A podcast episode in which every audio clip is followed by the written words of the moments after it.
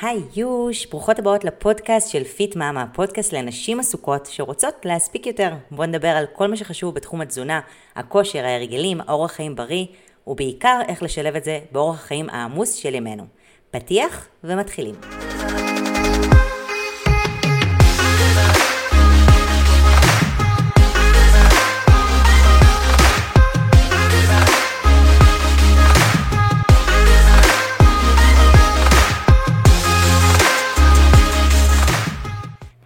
היוש, מה עניינים? טוב, אנחנו יכולות לדבר היום על אחד המשקאות האהובים עליי, וכנראה גם על אה, עוד כמה בנות אה, בפיט מאמה, שזה אה, הרי משקה הקפה.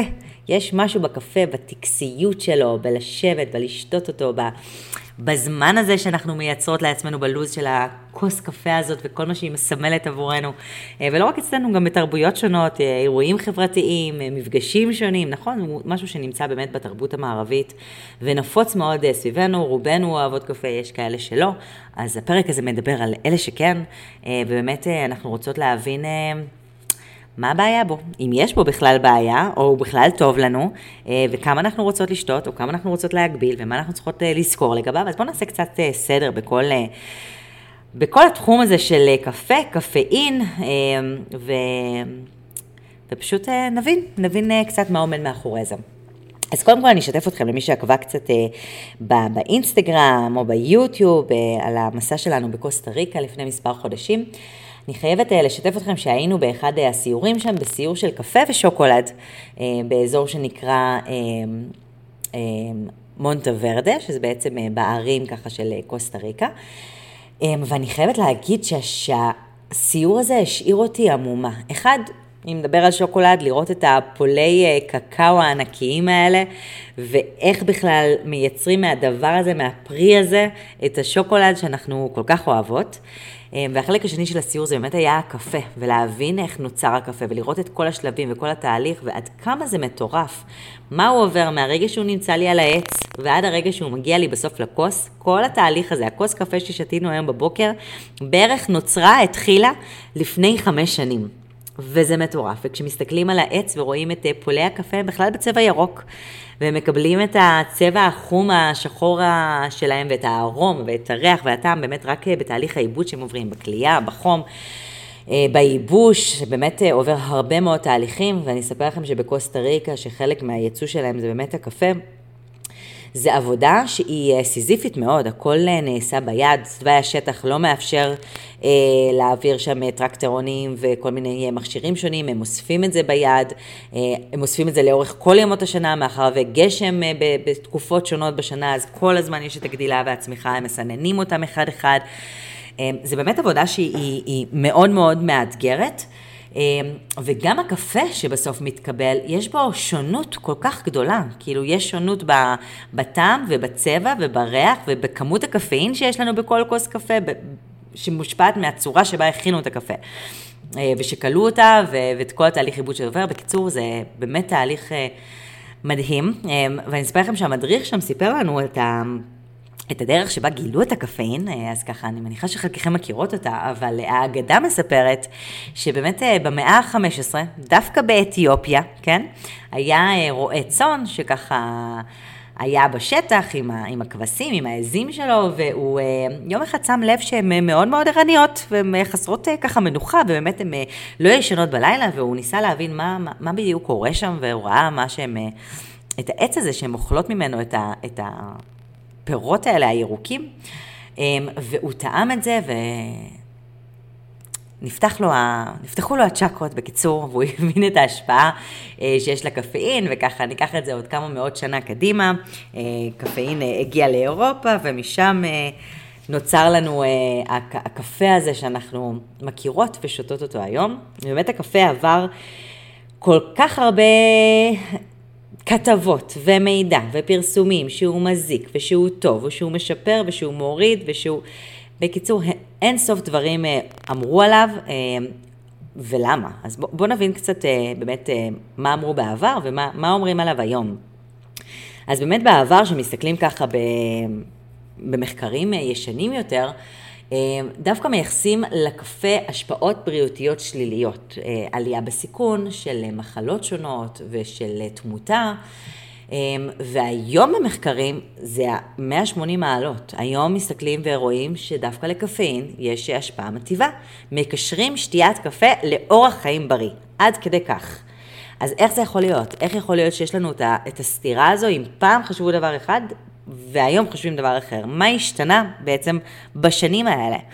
אז אני אספר שהקפה הוא לא השתנה בשנים האלה, אבל מה שכן, הדרך שבה עושים מחקרים השתנתה, ואם בעבר הסתכלו באמת על שתיית קפה אה, ועל אנשים ששותים קפה ואת ההשפעה שלהם אה, על, על מחלות שונות, אה, היום באמת מסתכלים לא רק על השתייה, מנסים לבודד מרכיבים שונים, ושמו לב שבאמת הרבה פעמים שתיית קפה הולכת יד ביד עם כל מיני הרגלים אה, בריאותיים לא טובים, אה, כמו לדוגמה סיגריה וקפה, או כמו אכילת אה, עוגה ומשהו מתוק תמיד ליד הקפה, או כמו הדרך שאנחנו מכינות קפה, שלוש כפיות סוכר, המתקות שונות.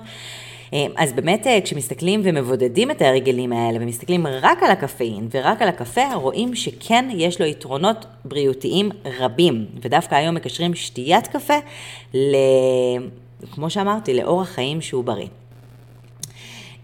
אז מה יש פה? למה זה מקושר? איך זה, איך זה יכול להיות שזה משפיע? אז קודם כל, בקפאין יש הרבה, בקפה יש תר, הרבה תרכובות שונות. אה, השתיים העיקריות זה באמת אחד, זה נוגדי חמצון, זה כל מיני אנטי-אוקסידנטים שונים, שהיום מקשרים באמת אנטי-אוקסידנטים להפחתה אה, בסיכון למחלות שונות, וקפאין, שקפאין גם כן מקושר היום להרבה מאוד אה, דברים טובים, בין אם זה הערנות הזאתי והאנרגיה שמגיעה משתיית הקפה. בין אם זה השפעה על כלי הדם ועל שכבות, שכבת האנדוטל של כלי הדם, שמשפיע על הפונקציונליות ועל הגמישות ועל היכולת שלה להתרחב אה, ולזרמת אה, דם טובה יותר. בין אם זה משפיע על שיכוך כאבים, היום שמים קפאין בכל מיני תרופות שונות כדי לעזור להפחית את הכאבים. מחקרים שונים מראים השפעה של קפאין עם שיפור בביצועים ספורטיביים, אז הם מקשרים את זה גם לספורט של אה, סיבולת לב ריאה, אבל גם לפעילויות ספורטיביות של אימוני התנגדות, או אה, כוח מתפרץ, אוקיי? קפיצות, אה, ניטורים. אה, אז באמת רואים השפעה מאוד גדולה על כמה וכמה... אה, דברים שונים, בין אם זה לאוכלוסייה הבריאה ובין אם זה גם לאוכלוסייה החולה, אפילו יש מחקרים שעושים אה, על ההשפעה של קפאין על אנשים שכבר חולים במחלות אה, לב, כלי דם שונות, ורואים את השיפור וההשפעה גם שם, אוקיי?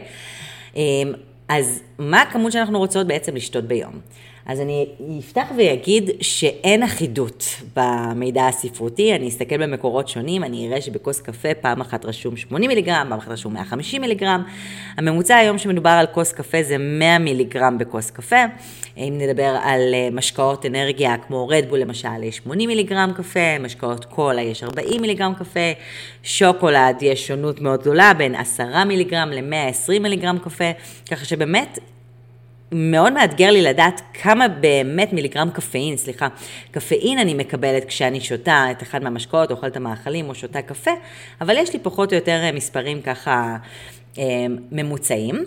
ואני יודעת שהוא נספג מהר מאוד בזרם הדם, הוא משפיע בעיקר על המערכת העצבים המרכזית, ובגלל זה הוא משפיע על הערנות, זאת אומרת, תוך 15 דקות מהרגע שאני שותה כבר אני יכולה להרגיש את ההשפעה המיטיבה, להרגיש ערנית יותר, עם אנרגיה גדולה יותר, אני יכולה לדחות לי אפילו את שעות השינה, נכון? מכירות זה שאנחנו מתות מעייפות ואז שותות קפה ומתעוררות.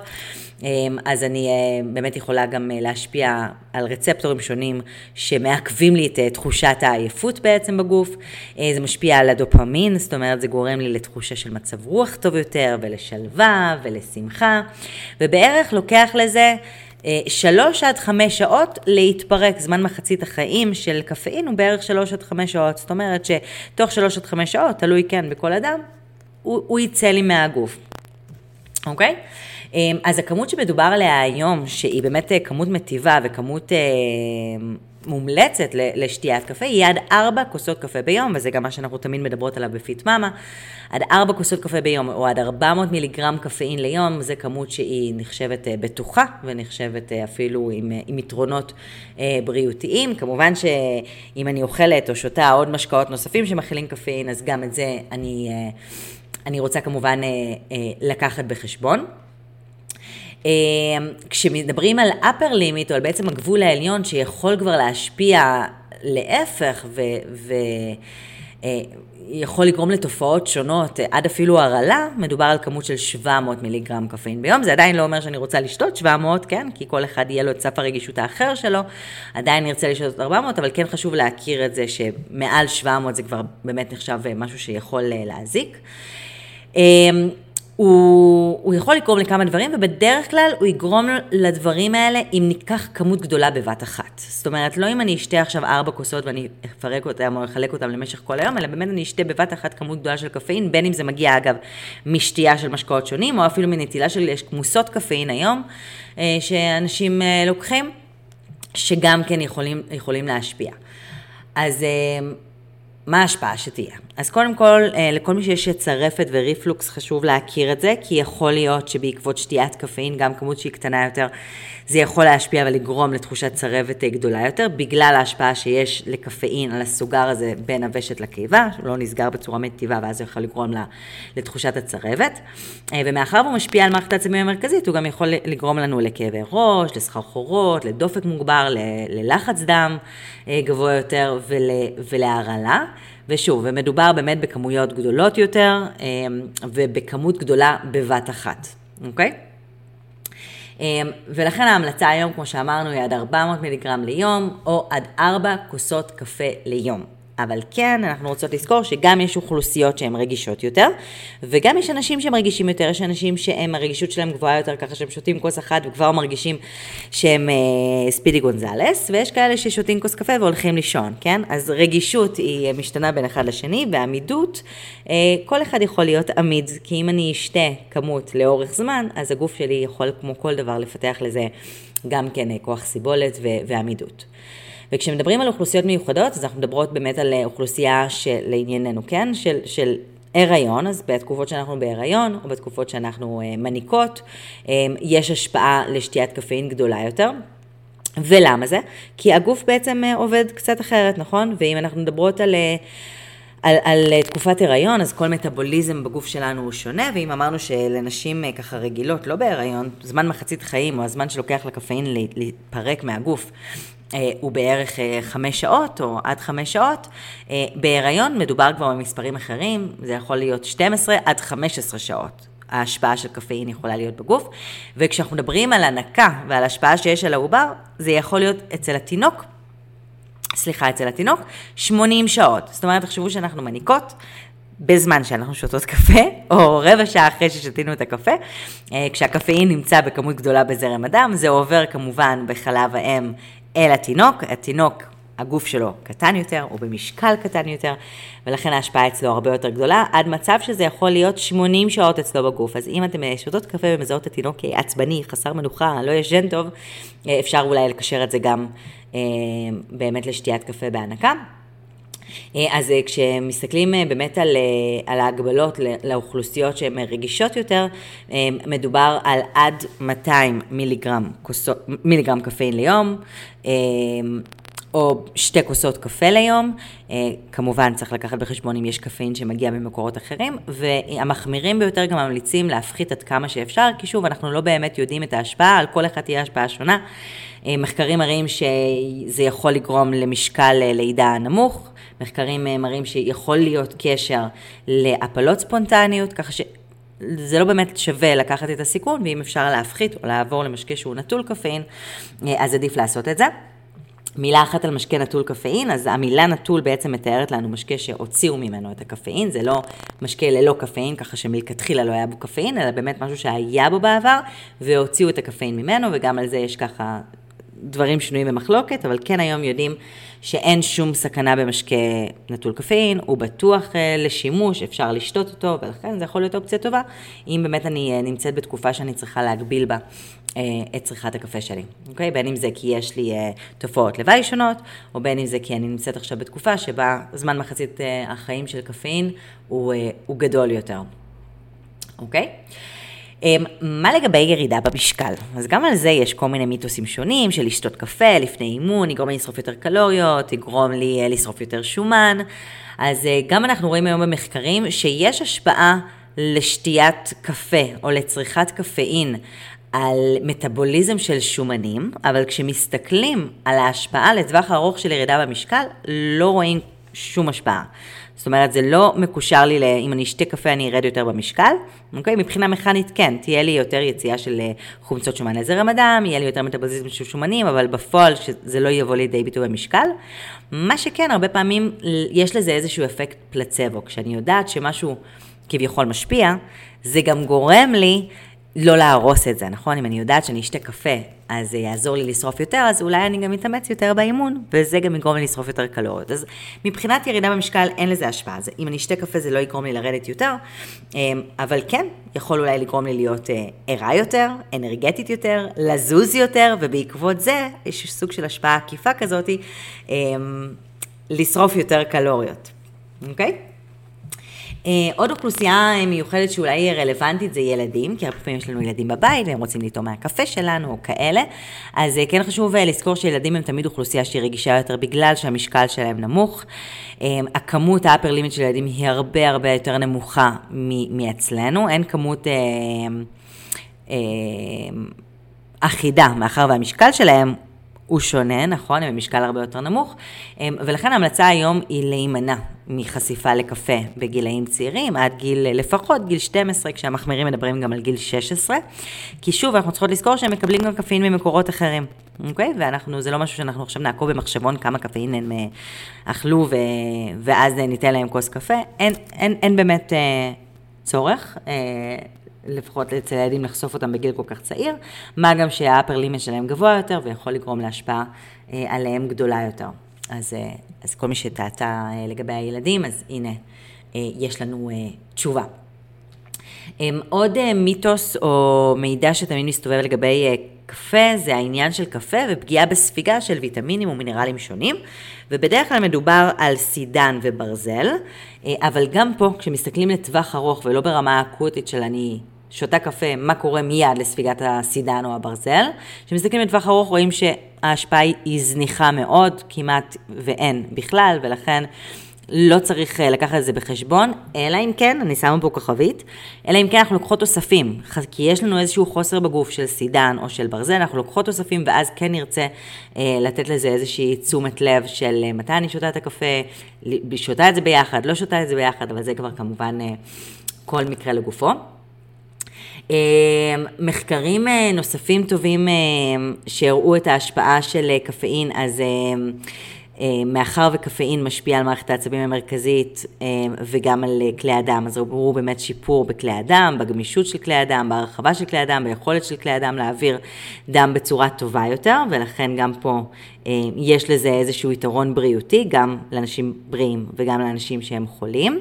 וכמו שכבר אמרנו, ההשפעה שיש לזה כ, כסוג של משכך כאבים, בין אם זה כאבים שמגיעים כתוצאה מפעילות גופנית, או בין אם זה כאבים שמגיעים כמו כאבי ראש, גם לזה יכולה להיות uh, השפעה.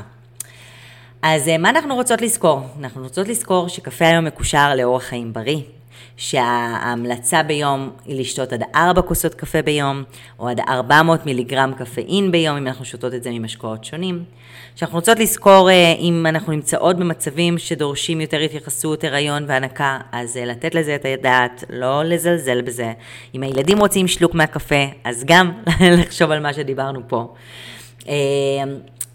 קפה וירידה במשקל, אמרנו כבר שלא, כן? אלא אם כן אנחנו מאמינות שזה יכול להשפיע, אז, אז כנראה שזה גם ישפיע יותר, אה, בגלל אפקט הפלצבו שאנחנו יודעות כבר שהוא עובד.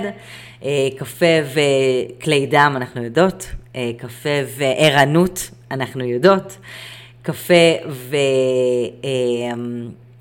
ודופמין, אה, מצב רוח טוב, אנחנו גם יודעות. אמ, וכן אה, צריך אה, לחשוב על איך אנחנו שותות את הקפה ועם מה הוא מגיע ליד, כי כמובן שההשפעה המיטיבה יכולה להיפגע אם זה מגיע עם סיגריה ליד, או אם זה מגיע עם uh, מתוק ליד, או אם, אם בכל קפה שאני שותה, כן, בסוף הכל עניין של כמויות, או אם אני לא ישנה בגלל זה בלילה, אז אני פוגעת בשעות השינה, ואז בסוף אני גורמת לעלייה בסיכון, לעלייה בקורטיזול, לעלייה בבחירות הלא טובות שאני עושה כי אני לא ישנה מספיק, אז אני גם לא רוצה להשתמש בזה כדי לעכב לי את השינה, אלא עדיין לישון למרות הקפה. יש אנשים ש... איכות השינה שלהם תיפגע בגלל הקפה, אז גם פה צריך לשים לב, למרות שאני יכולה לשתות ארבע כוסות קפה, אם עליי זה משפיע ואני רגישה יותר ואני לא ישנה טוב יותר בלילה בגלל זה, אני ישנה שינה שהיא יותר שטחית, אז לא כדאי לי לשתות קפה, לזכור שלוקח שלוש עד חמש שעות לקפאין לצאת, ואז אם אני הולכת לישון בשעה 11, גזרו אחורה חמש שעות, וזו השעה שבאמת אנחנו רוצות להפסיק לשתות קפה, בשביל לגרום לשינה מטיבה בלילה. אז אה, כל מקרה לגופו, אבל כן, כי אנחנו, מאחר ואנחנו יודעות שקפאין נקשר לרצפטורים שבעצם מעכבים לי את העייפות, אה, אנחנו רוצות אה, לקחת את זה בחשבון. ולא סתם, שני מיליארד כוסות קפה נשתות בכל יום מחדש בכל העולם. זה בהחלט אחד המשקאות הנפוצים, ואני מקווה שזה יעשה לכם קצת סדר בלהבין מה אמת ומה לא אמת ומה מגיע מאיפה. וזהו, אם יש לכם שאלות אתם כמובן מוזמנות לשאול. ובכל מקרה אנחנו ניפגש בפרק הבא. ביי יוש!